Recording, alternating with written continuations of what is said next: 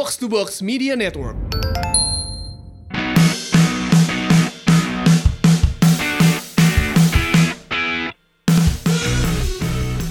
Kualifikasi Piala Eropa akhirnya telah selesai dan kita akan disuguhkan kembali dengan sepak bola Eropa pada akhir pekan nanti. Ini dia Box to Box Football Podcast.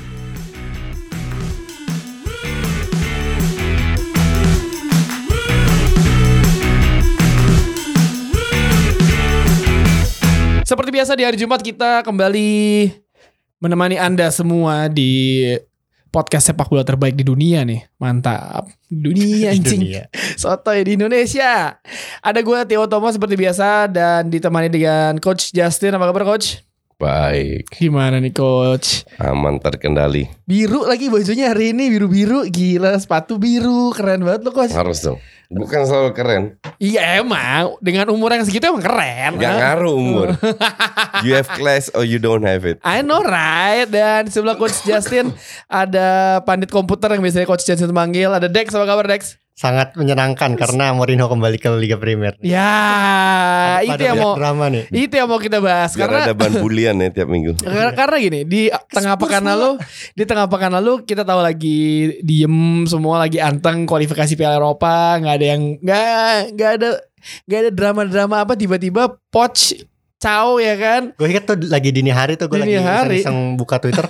Ini serius kan? iya Terus pas barengan sama rilisnya FM. iya Ada kelakar kan bilang Pochettino apa keluar gara-gara dia mau main FM. Iya, jadi kayak Poch eh, dipecat eh, emang eh, gosipnya Pochettino tuh emang udah nggak mendapatkan respect lagi di ruang ganti. Terus Gue gak percaya itu. Iya, terus It- eh, itu itu gosip media yang memang tiap hari harus diisi berita kan. Hmm. Kalau isi berita kayak gitu kan tambah panjang. iya. Gue tidak percaya itu. Buktinya adalah beberapa pemain men- menyatakan terima kasih atas kehadiran kehadiran Pochettino. Ya, salah satu rumornya itu saat salah satu juga yang paling santer adalah dia berselisih sama Danny Levy. Eh, si Levy emang si dari awal musim kan si Poch itu minta eh, pemain lah ya, dia bilang setelah lo lolos final Piala Champ eh, Liga Champions kan lo mesti punya squad yang mumpuni setidaknya lo dengan tidak membeli pemain musim lalu lo lolos Liga Champ final Liga Champions lo. dengan itu. dengan squad yang mumpuni lo bisa setidaknya mengulangi apa yang mereka lakukan musim lalu lah ya masuk final atau apa gitu tapi kayaknya berselisih dan Levy kan emang tipe yang diktator ya kalau kata gue lupa tuh siapa yang ngomong di ini di apa eh, ada berita di ada video di Premier League lah si De Levy itu 10 kalinya Ed Woodward tuh Ya, 10 kalinya ya. 10 kali Itu- Ed Woodward itu di E ESPN FC. Ya, di ESPN Gue FC, juga ya. dan gue setuju. ya kan Kalau lu bilang eh Levi itu diktator, gue setuju dan harus jadi diktator. Kalau nggak nggak jadi diktator, dia nggak sesukses ini. Iya, Oke, gua itu tahu- satu. Yang gue tau eh, Levi itu lebih pelit-pelitnya maksudnya. Iya, Yang- iya, yang, iya. Yang ini yang yang paling ketara lah gitu. Iya, tapi dia dia itu dia itu bukan memimpin, memimpin sebuah klub bola loh. Dia memimpin Bisnis ya? sebuah perusahaan. perusahaan besar Iya dan dan cukup sukses sampai dia punya stadion sendiri itu kan luar biasa. Iya. Dan ka- kalau bangun kalau stadion baru ya kalau lu bilang mungkin dia punya clash dengan Levy untuk gue lebih make sense daripada pemain. Di semua klub pemain ngambek, pemain baper itu biasa. Itu hal yang wajar. Oke. Tapi orang harus lihat prestasi dia la- selama lima setengah tahun. Kualitasnya itu nilainya let's say 6, Hmm. prestasinya itu 8. Hmm. Jadi prestasi Spurs itu jauh melebihi kualitas pemain yang mereka miliki. Itu di situ orang tidak lihat. Hmm. Orang hanya melihat atau sebagian orang hanya melihat oh dia lagi ngedrop ranking 14 atau whatever. Tapi kalau lu lihat ranking Liga Inggris, ranking 5 sama 17 itu cuma selisih 6 Selisih poin. dikit banget. Iya. Ngerti nggak? Jadi there is no reason untuk memecat sama sekali. Dan mesti ada kesempatan dan lihat di tracknya di Liga Champions walaupun setelah di- dihancurkan sama Bayern Munchen ya. Bayern Munchen ya. Tapi kan sudah kembali misalnya di Liga Champions ya. Kalau kalau untuk gue Liga Champion itu bukan jadi parameter karena dua kali dia bisa lolos sampai ke final itu murni luck. Dua kali dengan goal away dia bisa lolos dan dua kali dapat berapa kali kontroversial goal. Gol jatuh dari langit. Ka- Kalau kalau istilah gue Ja- City. ja- jadi untuk gue bu- bukan parameter tapi parameternya ada dari sisi permainan, oke?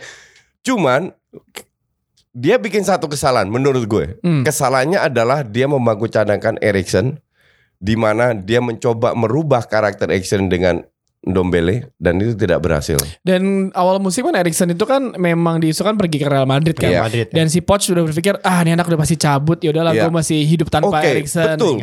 Games ya. Ya, tapi Nggak- ketika ketika Erikson stay, dia seharusnya he should to do something with Erikson lah di squad. Nah gini, ini kasusnya sama kayak Emery. Hmm. Kalau lu sebagai pelatih dan pernah gue lakukan juga menggeser pemain bintang itu hak pelatih, bukan? Benar. Tapi pada saat lu tidak punya solusi, lu kan gambling. Hmm. Iya sih benar juga. Lu mengambil sebuah keputusan yang yang anti mainstream Hmm. di mata orang-orang, tapi fans fans itu akan diem kalau lu berprestasi. Ya. Masalahnya Özil digeser, Emery nggak berprestasi, Erikson digeser, Pochettino nggak berprestasi. Nah, itu yang jadi masalah pada saat dan dua dua dua ngejilat ludahnya sendiri. Akhirnya dua match terakhir Özil jadi starter, Erikson pun demikian. Tapi nampaknya mereka butuh waktu lagi untuk membuat tim ini Ya. dengan Erikson dan dan dan Özil lebih bagus lagi dan waktunya diberikan oleh ke Emery tidak diberikan ke Pochettino. Dan kalau kita ngelihat eh, itu kan dini hari, eh Jas Jason pasti masih bangun lah saat itulah. Eh, rumor itu keluar di Twitter banyak banget santer, terus eh, langsung yang keluar pertama memang kalau eh, tim di tengah musim seperti ini memecat pelatih tidak banyak opsi yang mereka miliki. Betul. Yang memang yang available saat ini kalau se- eh, sebelum Jose Mourinho akhirnya jadi Spurs ya, Jose, Allegri, Allegri udah pasti bukan pilihan pertama Spurs karena nggak bisa nggak bisa bahasa Inggris, ya kan? Wenger. Wenger, Lu, lu tahu pilihan pertama siapa? Siapa? Yang gue yang gue baca ya. Ya. Rogers. Brandon. Brendan Rodgers. Brendan Bro- Rodgers. kan? Brendan Rodgers itu pilihan pertama, Mourinho itu pilihan kedua. Ah. Ternyata, gue nggak tahu bener atau enggak, tapi untuk gue sih gini gini gini. Pelatih dipecat di separuh musim itu udah puluhan jutaan kali Sering. terjadi, Ya, oke? ah, Dan memang 80% ada efeknya, ah. ada efeknya dalam arti kayak oleh musim lalu lah, nggak usah Iya. jauh-jauh. Hmm. 7-8 match beruntun main bagus, ada perubahan di ruang ganti, Iya. dimotivasi bla bla bla bla. Habis itu kelihatan karakter aslinya. Tapi Oke. memang benar sih dari Dan- dari dari histori memang gitu. Iya. Setiap plat tiap kesebelasan mecat pelatih ada dampak positif lebih lebih banyak muncul daripada negatifnya di awal-awal. Awal. Hmm, Oke. iya, benar di awal-awal itu. Nah, sekarang kita lihat kenapa Spurs buru-buru menunjuk Mourinho. Kenapa tidak hanya Pochet dipecat, Staffnya tetap ada. asistennya jadi caretaker. Ini satu tim dipecat. Iya. Ngerti nggak? Tiga ya? Segeng. Ya, feeling gue, feeling gue, omongan dengan Mourinho ini sudah lama terjadi. Jadi udah selingkuh di Iya. belakang. ya? iya, Iya. jadi lu tidak mungkin Kayak mengambil Mourinho hanya dalam Iya. sekejap. Tidak mungkin, mungkin. impossible karena banyak yang harus dibahas detail-detailnya. Berapa kali lu liburan, gue dapat rumah di mana, pajak siapa yang bayar, mobil gimana, ngerti nggak? Iya. Perintilan itu itu itu butuh waktu untuk dibahas dan ditaruh di atas hit- hitam di atas putih dan itu tidak mungkin dalam seminggu. Dan- Bullshit itu. Berarti kalau beneran kayak gitu kan ini kejadian lagi eh, seperti Mourinho ke MU kan. Ketika Louis van Gaal, Nah, Ed Woodward juga kayak gitu Kasus Iya, benar. paling bagus itu Louis van Gaal. Hmm. Sudah tiga bulan mereka nego, baru van Gaal setelah menang FA Cup Hmm. dipecat. By the way, Louis van Gaal dulu kan pengen ke Spurs ya. Iya, akhirnya milih MU kan. Beli MU. Yang di Piala Dunia tuh sebelum Oh, dia gua milih ke lupa. MU, Gue nggak tahu. Spurs Iya, yang Spurs paling depan. Oke oke. Dia hampir ke Spurs, literally hampir ke Spurs. Dan setelah juara tiga, MU ngebet mau Van Hal. Karena emang mau itu kan Ryan, eh, terakhir kan si Ryan Giggs kan karena karena kan. MU belum belum percaya sama Ryan Giggs. Ya udah dikasih ke Van Hal. Se- sebenarnya kalau kita lihat dari Big Six, Big Six di atas kertas yang Big Six punya saat ini apa Big Six tradisional? Big Six tradisional. Soalnya kalau saat ini ada Sheffield. Iya, ada ada Leicester. Enggak, it, itu kan tim tim kemarin sore yang yang once in a while nongol. Tapi dari the real Big Six, Spurs ini kan berada di papan bawah Hmm. di nomor 6 Iya. dari segala segi, dari trofi, dari dari eh, image, dari goals whatever jumlah kemenangan selalu Big Six-nya no- nomor Iya, 6 di Big Six. yang paling bawah benar. Pertanyaan gue sekarang, kenapa Mourinho mau ke Spurs? Jawaban gue, feeling gue, karena emang dia itu sudah menurun, nggak ada klub besar yang mau ambil dia, Oh, Mourinho-nya ya. Mourinho-nya. Eh, mungkin Jadi, mungkin Egonya itu masih tinggi. Dia tidak melakukan ini buat duit. Setuju? Hmm. Dia udah Iya, iya. udah dapat di Sky, Sky Sport Nggak, nggak usah Sky Sport. Di Nah, MU aja United udah aja. 20 Ah. jutaan lebih. Dia- iya, gini. pemecatan Di ya. Madrid dan lain-lain duitnya udah banyak lah. Gini. Sampai cucunya pun nggak nggak akan kere. Jadi dia nggak butuh duit satu, oke? Hmm. Yang dia butuhkan masih image, masih ingin membuktikan. Dan nampaknya dan gu- gue sangat setuju tidak ada satu klub besar yang mau dia. Enggak. Ba- bahkan Ah. Munchen pun tidak. Ini, eh, Mourinho dengan kota London adalah satu anomali sih karena dia emang pas di MU kan dia tinggal di hotel, Tinggalnya di hotel. Jadi ketika Nasibnya tawaran di ini datang mungkin dia pikir oh ya udah lo eh, mungkin emang bener kalau kalau bener kejadian kata coach Justin dia udah ngomong dari awal kayak Mourinho lo lihat dulu lah gue nggak mungkin gantiin dia kalau dia nggak ada nggak ada sesuatu dan dari sekali tiga uang Pochettino penampilannya berantakan Spurs ya Iya, kan iya. berantakan akhirnya ngomong sama Mourinho eh eh, Jose Mourinho dengan London adalah satu kesatuan. Dia itu emang tinggal di London kan. Iya. Dia di MU aja nggak mau nggak mau beli rumah. Ya, ya. Itu udah udah enak banget hidupnya. Eh dia di London plus ketika kalau misalkan gue jadi Mourinho, gue pasti kan yang pertama pelatih lihat skuadnya kayak gimana kan? Iya. Ini skuadnya kan. Secara garis besar skuad yang dimiliki Spurs saat ini ini skuad tipenya Mourinho banget nih. Gelandang pertahanan duanya gede-gede Iya. banget. Nggak, gue gue nggak setuju. Tak, tak, tak, tak. Gelandang pertahanan gede banget. Christian Eriksen yang emang Nomor pi- 10 yang nomor sih 10-nya. Ada Harry Kane, sayapnya juga cepet. Ini kan secara garis besar yang mungkin di, dilihat orang adalah oh ini bisa jadi tim emang ya skema yang di walaupun bukan pemain pilihannya Mourinho ya. Kan dia baru bisa beli Januari pemain kan. Ya. Eh, dan dia nggak dapet duit Januari. Iya, dan emang kan Levy emang pelitnya setengah mati ya kan. Memang. Jadi eh, kalau kemarin tuh di ESPN FC bilangnya mendingan Ed Woodward segoblok-goblok Edward sepelit PT Edward kalau udah panik dapat tuh Alexis Sanchez 500 ribu pound Dan sterling. Maguire Iya ya kan di- dengan harga mahal walaupun Iya, bisa dapat iya, harga iya, murah. iya. Levy tuh nggak mau perhitungan bi- bakalan. Perhitungan perhitungan banget ya, bisnisnya banyak Iya. banget Tapi dilakukan. itu mungkin terjadi kalau Erikson berhasil dijual. Nah, Nah, gue demen Erikson dijual ke Real Madrid, terus Pochettino ngelatih Real Madrid habis itu. Wey, enggak. Jadi gitu kan maksudnya eh, Mourinho dengan London dapat Spurs ketika dulu pernah ditanya 4 tahun lalu ketika melatih Chelsea Mourinho tanya kan lo kalau ditawarin Spurs gimana? Enggak, enggak, enggak tertarik. Terus ditanya, lo kenapa bisa berubah? Terus dia bilang, saat itu gue belum dipecat. Nah, iya, maksudnya orang ini kan ya emang dengan kelakuan ajaibnya lah ya. Bukan orang ini omongannya nggak bisa dipegang. Iya, jadi dan That's that's the point. dan Mourinho kan eh, eh, tipe pelatih yang dengan anomalinya yang tiga tahun sekali, ngerti gak sih? Iya, dengan iya. karir span-nya tiga tiga tahun udah udah udah berantakan. MU juga tiga tahun, dua setengah tahun lebih tepatnya sih. Eh, musim pertama Europa League, eh, musim kedua dia berhasil eh, urutan dua Tahun dua. ah. dengan squad yang dia bilang seadanya itu. Yang ketiga itu eh, dia setengah musim doang. Dan kemarin ada keluar gambar yang pelatih paling boros tuh Mourinho. Tapi Betul. kalau kita ngelihat total pemain yang dibeli Mourinho itu lebih sedikit eh, lebih Lebih banyak, lebih banyak dibanding dibandingin Pep. Pep. Ternyata Iya. emang Pep berarti kan bisa kita bilang nih out of context ya. Pep itu kan berarti kan lebih boros sebenarnya dari Mourinho untuk beli pemain lah ya. Pemain ya. Wenger 100 pemain loh. Ter- ternyata tidak. Ternyata Mourinho lebih boros. Dan kembali yang lu bilang, kalau lu bilang squadnya co- cocok dengan Mourinho, gue gue nggak setuju. Gak cocok ya? Untuk gue, Mourinho itu murni bisa sukses karena mengandalkan pemain bintang. Nah, pada saat tidak ada pemain bintang dan di Spurs pemain bintangnya itu cuman ya mungkin Harry Kane sama Erikson. Hmm. Itu doang. Yang lain nggak ada. Tapi dari dari dari klub-klub yang pernah di di besut Mourinho, dia selalu bisa memaksimalkan pemain-pemain nomor 10. Kayak Ozil, Snyder. Yang yang ketara itu Ozil Snyder itu Oh, ketika stu- ketika setuju. eh, ketika Mourinho keluar, mereka jadi turun. Setuju. Cuman lu juga harus lihat sepak bola ini udah berubah. Liverpool sukses tanpa playmaker. Tanpa playmaker. Tanpa nomor 10. Sepak bola ini sudah berubah. Mau nggak mau. Sangat berubah. Mm-mm. City bermain dengan dua playmaker. Bukan satu tapi dua. Karena dia tahu skemanya iya, kayak gimana kan. Liverpool bermain tanpa playmaker. Justru Mourinho gue bilang old school. Kayak Mourinho- Van Gaal. Kayak apa? Old school. bakal balik lagi. Maksudnya bakal bisa ngelihat nomor 10 uh, bersinar lagi di bawah Mourinho. Bisa, bisa. Cuman Maksudnya sekarang gua, gua me- menganggap itu skemanya akan dia pakai Nah, lagi. bisa. Hmm. Cuman sekarang lu Sukses atau enggak gitu kan? Ya exactly Nah. Karena lu sekarang berhadapan dengan pemain yang udah ngambek Udah pengen kabur Erikson. Nom Erikson Erikson. ya. Nomor 10 Yang untuk lu adalah pemain penting Masih ada Dele Alli tapi. Dele Alli 2012 nge-tweet loh nggak mau nggak mau dipelatih sama nggak mau dilatih sama Dele Mourinho loh. Alli itu udah 2-3 tahun lalu Gue bilang pelat pemain katro Sama-sama Lingard bench mulu Dan sekarang terbukti kan Mm-mm.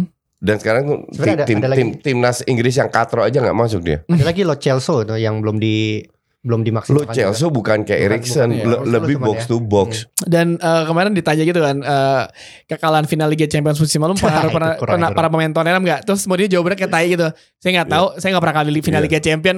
Oke siap, terserah kamu. Tapi memang eh, sebenarnya kan eh, klub itu ketika apa ngambil Mourinho kan mereka udah bisa tahu bahwa lu ngambil Mourinho berarti lu ngambil konflik. Misalnya. Iya. paket- ngambil paketnya ya. paketnya lah, paketnya Betul. lah ya. Kopernya lah ya kan gitu. konflik Eh bisa mungkin eh, kita nggak ada yang tahu kan deal deal dengan Levy kayak gimana ya kan mungkin ya dengan Levy yang strict itu eh, mungkin bisa jadi Spurs ini menjadi eh, sebuah kesempatan terakhir Mourinho bisa jadi nggak kalau Iya. dia gagal di Spurs Dia si- ke Stoke. siapa lagi yang mau mau ngelatih ya kan ya kan Stoke Derby County atau apalah ya kalau gue jadi Mourinho dengan gue ke tim-tim kayak gitu ya kan Tapi rasanya lebih cocok sih memang. Kalau Iya kan? kalau kalau gue bilang salah satu alasan kenapa em, Levy ambil Mourinho itu dari sisi bisnisnya, Hmm. dari sisi image.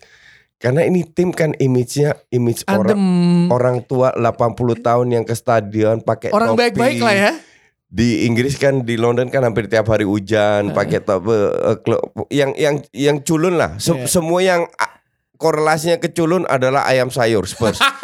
nah, ini ingin dirubah oleh Levy. Mereka punya stadion, baru. bagus. At least- latihan juga Ya, bagus. at least Sekarang. lebih jadi lebih apa ya? awal dari segala din- dinasti Ya, baru Spurs lah ya merusak. bisa dibilang gitu merubah image yang yang abu-abu, yang gelap, yang yang suram. Ini yang menurut feeling gue itu salah satu alasan kenapa Mourinho masuk membikin Spurs lebih hidup lagi. Jadi eh, kalau bisa Mourinho Dan masuk dari sisi bisnis, sorry. dan kalau Mourinho masuk coach misalkan eh, lo buat coach sama Dex kalau misalkan Mourinho masuk terus Levy emang targetnya adalah oke gue nggak gue nggak peduli Spurs juara apa enggak tapi lu ngerasain dilatih sama pelatih kontroversial lu belajar tuh sama dia tuh banyak banyak hal make sense gak sih make sense. make sense gak Emang Make dia sense sih. emang dia peduli. Enggak enggak enggak dia. Kalau dia peduli. dia dari dari dia ambil take over Spurs itu 2001, dia sudah melakukan hal seperti yang Abramovich lakukan di Chelsea. Hmm. Dia jor-joran demi gelar lebih gelar. gelar. Major gelar ya, bukan gelar Piala Ciki atau Enggak. pia- pia- Piala Kebo. Dan itu dia tidak lakukan. Sekarang pun gue tidak melihat di- dia akan berubah, tapi yang penting image-nya berubah. At least masuk Champions League. Oke Itu doang. Dan itu realistis. hmm. lu Dex Gue juga setuju sih. Memang dari dulu apa dari semua big six memang Spurs kan paling cupu. Nah si Levy ini gue nggak tahu kenapa dipilih. Pendekatannya memang bisnis sih. Dan gue merasa Di- dipilih maksudnya? di maksudnya jadi jadi apa? Jadi CEO-nya. Dia owner. Dia jadi ownernya. Spurs Dia beli. Iya, maksudnya dia kenapa dia milih Spurs gitu. Oh milih Spurs. Hmm. Oke oke. Nah, dia ingin menaikkan profil itu Ba- bahkan dia pun NFL pun digelar di debut stadion pun Iya. Di Spurs, di stadion Spurs kan. stadion Spurs gitu. Hmm. Jadi gue melihat memang ini memang pendekatan pendekatannya memang beda sih si Iya. Levy ini. apakah kita akan Tapi ngeli- tapi gue gua penasaran Mourinho ini bakal nurutin Levy atau dia punya ambisi pribadi. Nah Kayak dia kan Itu, soalnya kan dia, setuju. dia, dia selalu punya trofi yang bisa dia banggakan di setiap musimnya. Kalau kalau kalau- kalau feeling gue dia punya deal deal sama Levy sih. Karena gini, ketika si Levy berpikir untuk mengganti pelatih, nggak banyak pelatih yang kita bisa bilang mendapatkan udah udah dapat major trophy lah ya, Iya. yang available. Siapa sih yang kita bilang kita bahas Allegri, Laurent Blanc, Arsene Wenger udah lah nggak mungkin masuk hitungan. Jose Mourinho siapa lagi yang available? Nggak banyak kan saat ini kan. Jadi Mourinho mungkin tahu eh, ketika ditawar sama Levy eh, dia bilang oke gue mau tapi dengan syarat lu nggak boleh ngutak atik tim gue ya. Gue mau apa lu mesti yain. enggak. Gue Kayaknya nggak bisa gitu. Oh, kalau mungkin kalau Gua pemain nggak enggak, setuju. kalau pemain enggak, mungkin dia pikir kayak gue mau gue mau bermain kayak Nggak. apa. Mung- Karena kan enggak kan pasti kan Levy kan nawar Mourinho.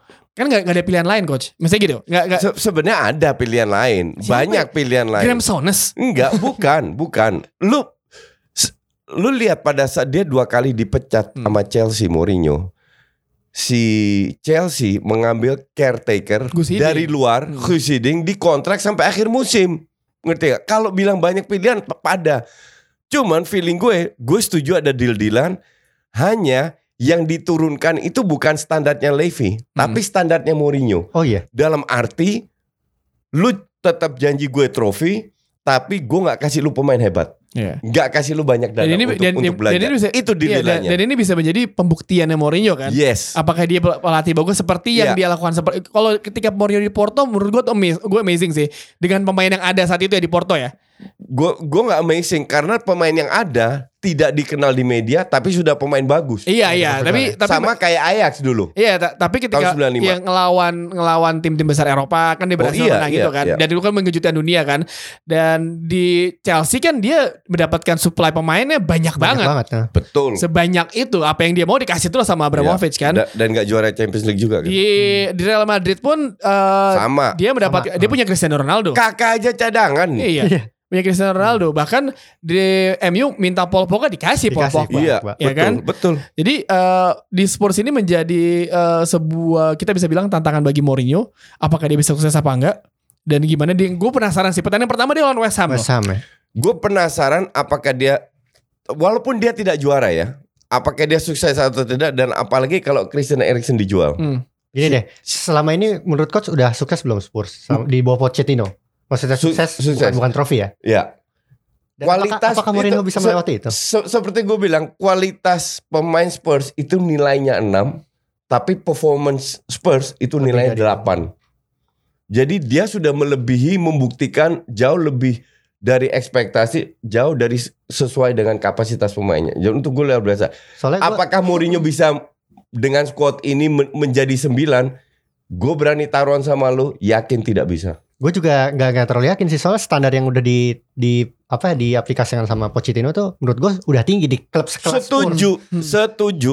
Spurs itu luar biasa loh mainnya. Iya, Spurs tuh gue gua gua gua akui aja Spurs tuh apa reputasinya jelek gitu. Cuman di bawah Pochettino itu itu segitu tuh udah bagus. Gitu. Gak usah Spurs Bukan deh. bagus, bagus banget. Eh gak, gak, gak usah Spurs ya Poch pas pegang Southampton aja berubah Iya, standarnya iya, kan. Iya, iya, Emang iya. terlihat kan kalau sih, pelatih kan terlihat bagaimana dia ngubah sebuah tim yang bukan siapa-siapa dengan pemain yang ada menjadi sebuah tim yang siapa-siapa. Iya. Itu dilakukan di Southampton, dan terus eh, pindah ke Spurs, dilakukan juga pas Spurs kan. Spurs yang pelit seperti itu ya lo ya contohnya musim lalu nggak beli pemain beli sama sekali lah. sama sekali. Iya. Dan dia menemukan pemain-pemain yang ya Ta- udahlah. Tapi lu harus katakan walaupun mereka nggak beli pemain, pemain kualitasnya udah cukup Udah bagus. cukup, emang- udah, emang. udah cukup bagus dan ya.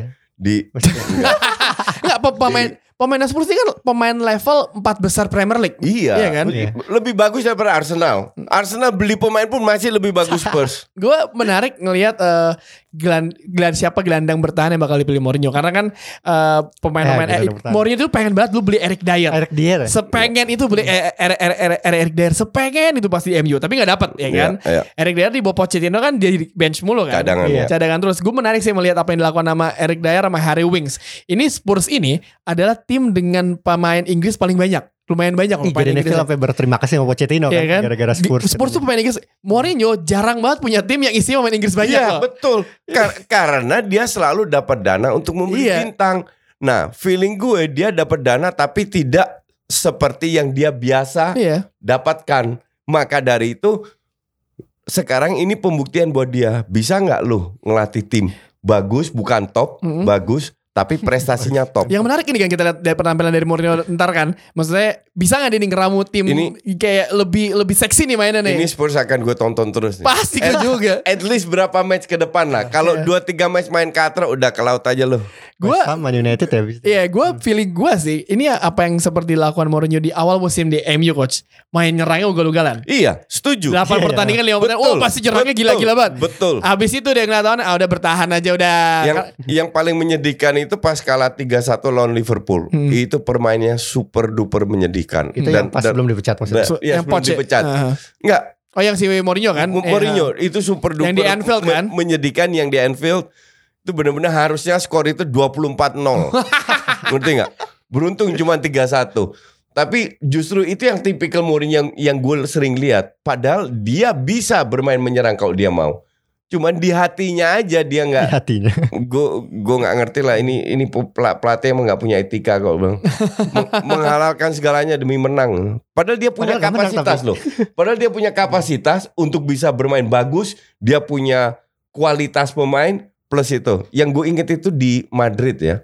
Madrid dia selalu bermain dengan dua DM satu playmaker. Selalu kayak gitu kan? Dia counter attack. kecuali pada saat ketinggalan dia korbankan satu DM dia masukkan kakak Hmm.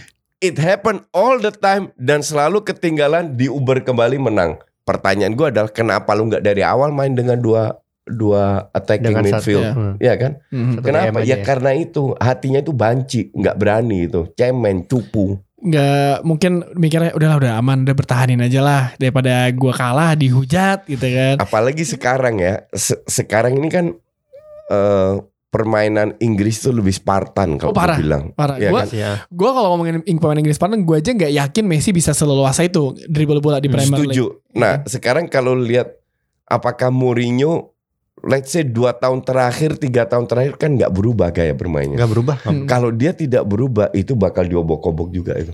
Dan yang gua apalagi inget eh, penampilan Mourinho ketika megang MU ya, Iya. yang menurut gua one of the best ya, walaupun main bertahan lah. Final lawan Ajax Europa League. Itu tuh dia beneran nyuruh small, dia tahu gue pemain dia dia Delik menyesuai, ya? Hmm. dia menyesuaikan dengan pemain yang ada ya. Iya. Pemain gue gak bisa dribble. Chris Small yang dapat bola, lo langsung lempar ke Iya. semua ke ke, ke Vela ini. Dan ini. nggak bisa bermain seperti Ajax. Nggak bisa. Ball possession dipegang Ajax, tapi Ajax untuk gue terlalu naif Nah, mainnya, dan- terlalu nafsu. Dan penyerang MU semuanya disuruh jaga Delik. Karena Iya. ketika Ajax Delik yang megang bola, ball aluran bolanya bagus banget ke depan. Di pressing terus jadi bingung kan. Hmm. Itu menurut Iya. gue kayak Betul. tahi ugly win Gua- tapi ya udahlah mau gimana Nah, lagi. itu, itu, itu bisa setuju. Itu-. Itu untuk gue smart win. Karena bener-bener Ajax terlalu naif mainnya, Mm-mm. terlalu meremehkan MU. Sementara dari sisi jam terbang ya, Mm-mm. MU tiga kali lebih bagus daripada Ajax. Hmm. Dari sisi permainan, Iya. Ajax lebih bagus. Iya, gue gua pas itu gue ngakuin Ajax Cuman- bagus banget. Sepak bola ini kan bukan murni strategi. Strategi itu cuman di level tertinggi Mm-mm. 30-40 Itu persen. golnya dua golnya kan luck semua. Iya, tapi masalah kematangan, masalah jam terbang, masalah mental dan itu tidak dimiliki sama Ajax. Apalagi ini juga pertandingan final. Maksudnya kalau di liga Eh, mungkin masih, exactly. masih Ini bisa lah. final. Final, it doesn't matter. Lu mana as long as you win. Hmm. Mentalnya itu tidak dimiliki oleh Ajax Hmm. pada saat itu. Saat itu jadi ya dan juga eh, pas eh, yang menarik juga kalau kita ingat Mourinho kan eh, pas sama Inter Milan pasti coach ingat Ya, banget lah itu paling tai lah itu kan lawan Barcelona tapi itu jadi back kiri. tapi ya ketika main di Giuseppe Meazza kan mereka menang kan Iya. Iya. dan Mourinho tahu wah gue udah menang nih main di Camp main terbuka gue bisa di, dibobol 6 gol nih ya kan merah pula abis. dia belajar dari pengalaman Nggak, ya kan se- sebenarnya dia nggak main bertahan loh. Dia main bertahan pada saat kartu merah. Iya, iya. Baru itu diparkir. Sebelumnya main main sama kayak Iya, iya, iya, iya, Tapi iya. menurut lu salah nggak misalnya ketika Mourinho tahu anjing kartu merah gue main terbuka sama kayak tadi sama aja bunuh diri nih di di, di Camp Nou Se- pula. Sebenarnya ka- kalau 10 orang nggak salah. Hmm. Kalau 10 orang nggak nggak nggak salah. Tapi kalau seandainya 11 lawan 11 seteng babak kedua dia tetap akan parkir Pasti. bis. Tapi permainan permainan lebih menarik lah. Maksudnya eh, Inter nggak bakal Iya. se, se, se- sedip itu lalu pasti bakal agak menyerang karena Ma- makanya untuk gue gue paling benci itu namanya kartu merah. karena ngubah semuanya. Iya, kan. iya. Iya, iya. Harusnya kalau gue jadi pentolan FIFA, Gimana nih? pemain itu dikasih kartu merah tapi tidak diusir. Bentar, bentar, bentar, bentar.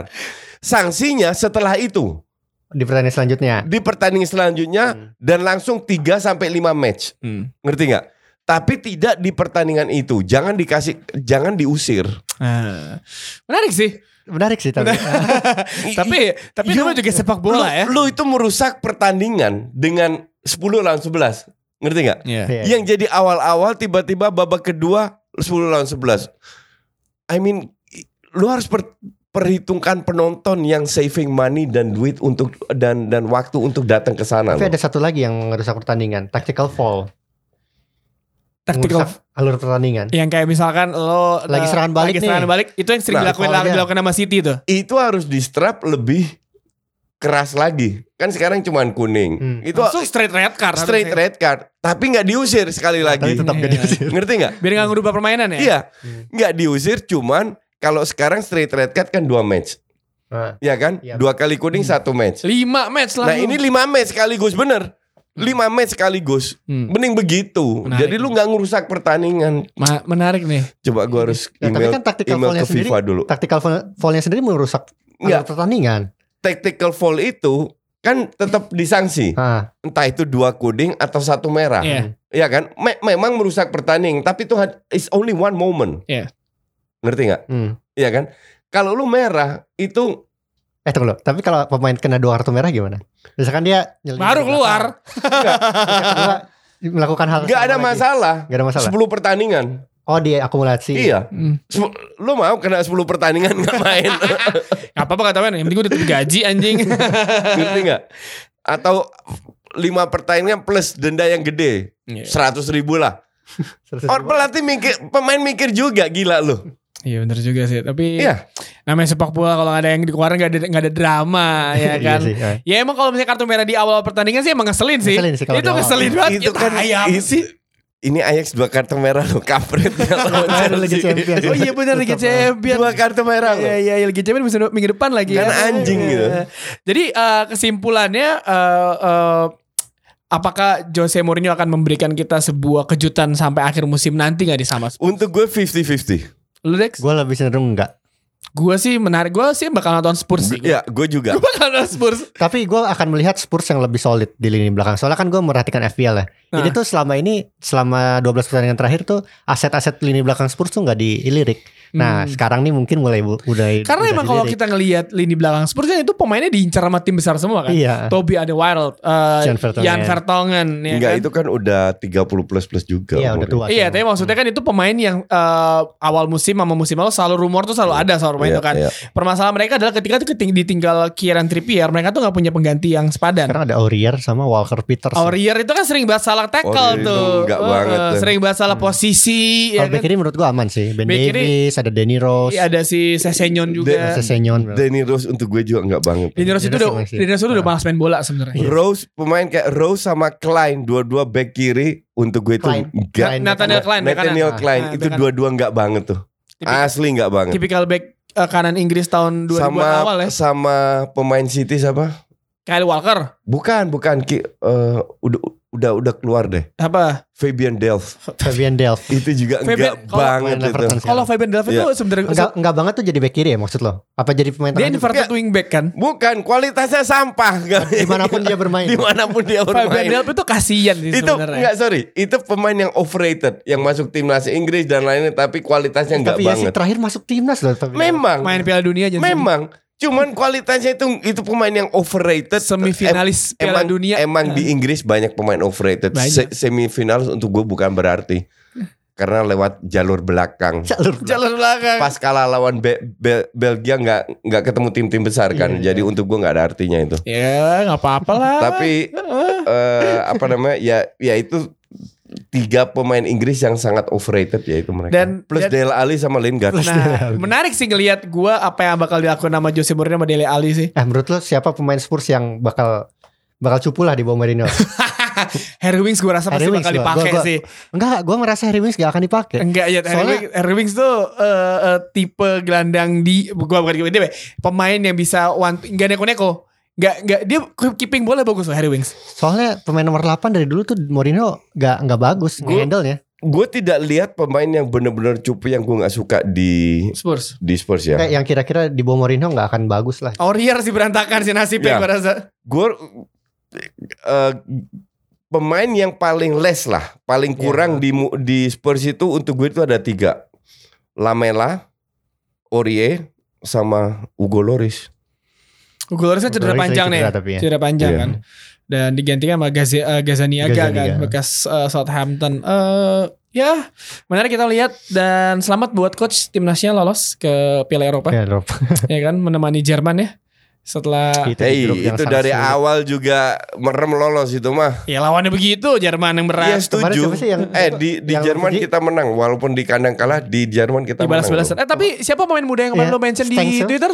Calvin Stengs gila itu Bagus pemain. itu. Kaget gue. Gue shock ngeliat tahu, dia. tahu. Asli. Dia berapa kali melakukan salah passing, but that's okay. Oke? Dan dia berapa kali kena body jatuh. Itu oke juga karena ini caps pertama dan dia masih levelnya Liga Belanda kan. Hmm. Tapi yang gue lihat itu visinya. AZ ya. Dia tahu kapan dia Dia main di mana? AZ. Main, AZ, main AZ. enggak main di posisi apa? kanan kanan. Kanan kanan. winger winger. Kanan winger tapi disuruh ke dalam Hmm. karena Promes dipasang wing back tapi ma- maju ke depan. Dan itu dia asis demi asis memberikan. Asis demi asis untuk pemain baru. Bahkan dari 5 gol 2 asis la- la- lahir dari dia. Visinya ini pemain luar biasa. Another, asli luar biasa. another next big thing dari Hupu Polan Hup.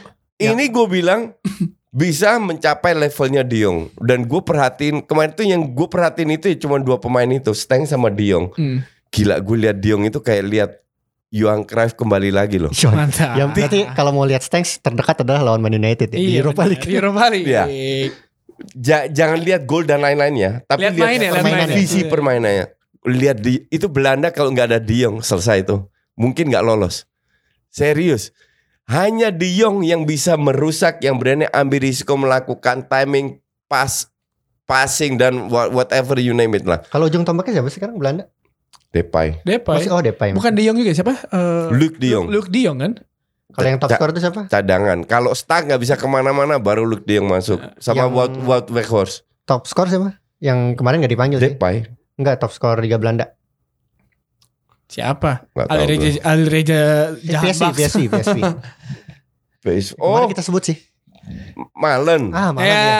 Malen bagus sih. cedera, bagus. Tapi bagus. Malen Ah. cedera, Bergwijn cedera. Kalau Bergwijn so-so kalau gue bilang Bergwijn promise, gue prefer promise. Tapi Bergwijn masih muda juga, Hmm. 24-an. Tapi Ca- Calvin Stengs ini akan jadi pemain hebat. Tapi dia dia masih muda. serius. Masih muda. Dua-dua. 22. 21, 21. Thanks. Oke. Stanks. Eh, bentar Calvin lagi Stanks. berapa lama Stanks eh Satu tahun. satu enggak bisa menurut lo berapa lama dia bakal bertahan di AZ sebelum dia pindah ke klub besar? Tahun depan. Pindah ke Ajax Ta- tapi. iya. Bisa jadi dia tahun depan ke Ajax atau PSV setahun di sana cabut. Hmm, menarik sih. Ke- karena dia bisa bermain di nomor 10 ya. Iya. Real playmaker. Karena lu lihat visinya itu gila ini pemain. Mengambil keputusan. Itu dasar banget tuh bagi bagi pemain muda, bagi pemain Bagi muda. pemain mengambil keputusan kapan dia harus passing, kapan dia harus capping, kapan dia harus dribbling. Hmm. Itu luar biasa. Asli luar biasa. Lu nonton matchnya di Mola kan ada tuh. Iya. Iya ada. Nonton lawan Estonia nggak usah lihat permainannya biasa banget tapi lihat Frankie De Jong dan Ke- Kelvin Stengs. Kalau lu ngerti bola lu benar-benar bisa horning lihat dua Wah besok lawan kesebelasan lo nih. besok kalah AZ. Utrecht lawan AZ. Lawannya Ut- Utrecht soalnya. Lawannya Utrecht. Akhir pekan.